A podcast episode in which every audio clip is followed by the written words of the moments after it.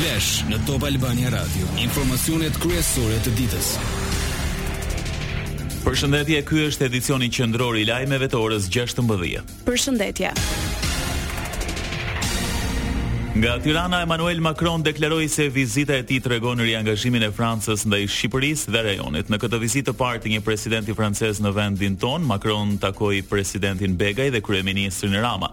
Ndërsa përfaqësues të dy qeverive firmosën disa marrëveshje. Shefi i Elizesë premtoi gjashtëqind milionë euro mbështetje për Shqipërinë përmes disa projekteve të përbashkëta. Macron u shpreh. Jam i lumtur që gjendem krah jush në një moment kaq delikat në Europë. Për Francën është formë riangazhimi ndaj jush dhe rajonit.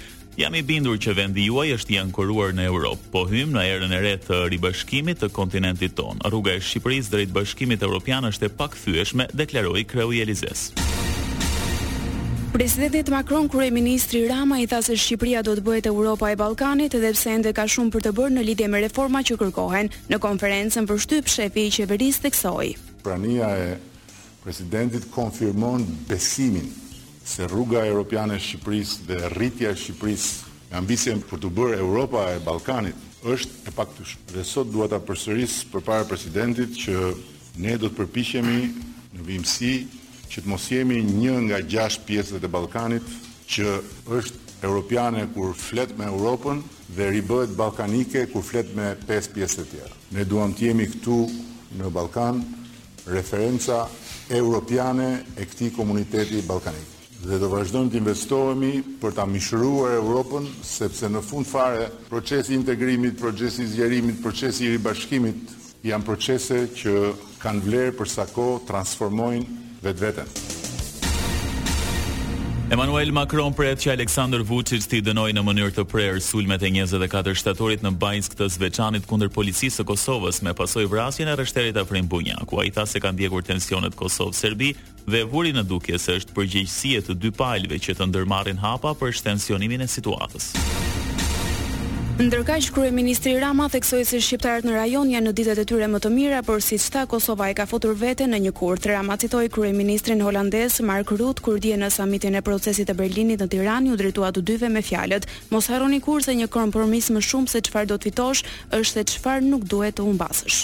Dhe nëse bëjmë të paktën me sytë tanë, Këtu në Tiranë, me sytë e mi këtu nga ky podium, një llogari të gjërave për t'u humbur nga shqiptarët në Shqipëri, në Maqedoni të Veriut, në Kosovë dhe kudo qoftë, është shumë më e madhe dhe shumë me kosto shumë më të lartë se sa llogaria e atyre që duan të fitojnë duke i marrë këto që kemi si të mirëqena që nuk i humbasim.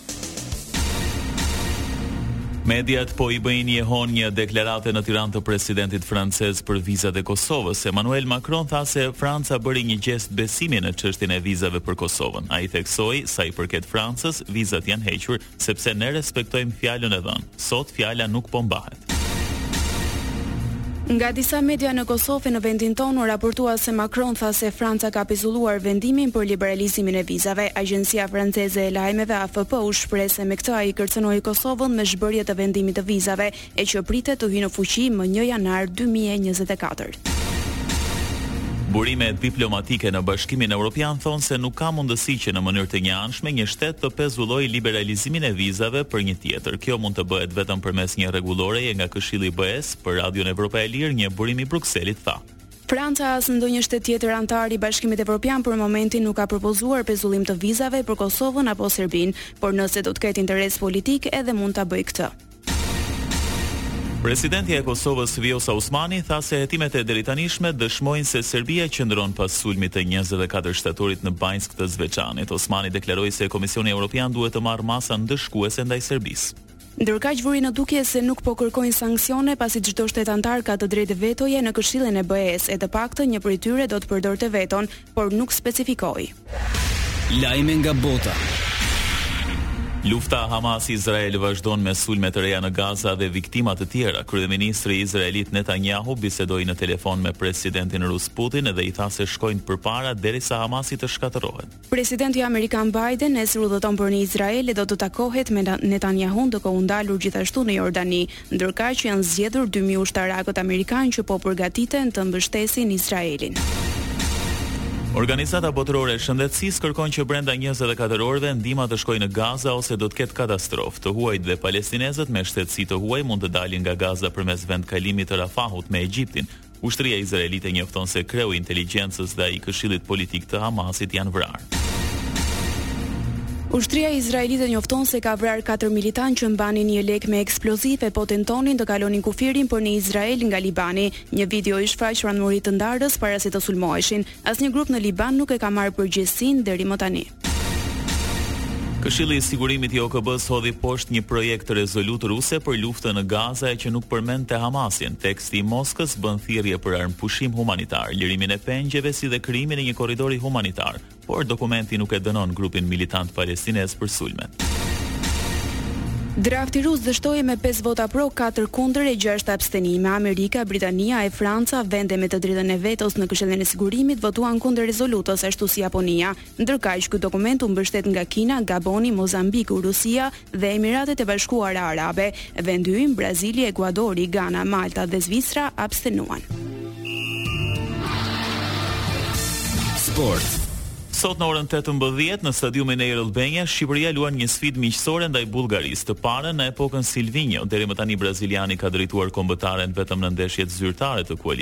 kueseve për Euro dy mijë e njëzet e katër duke arritur një bilanc tejet pozitiv.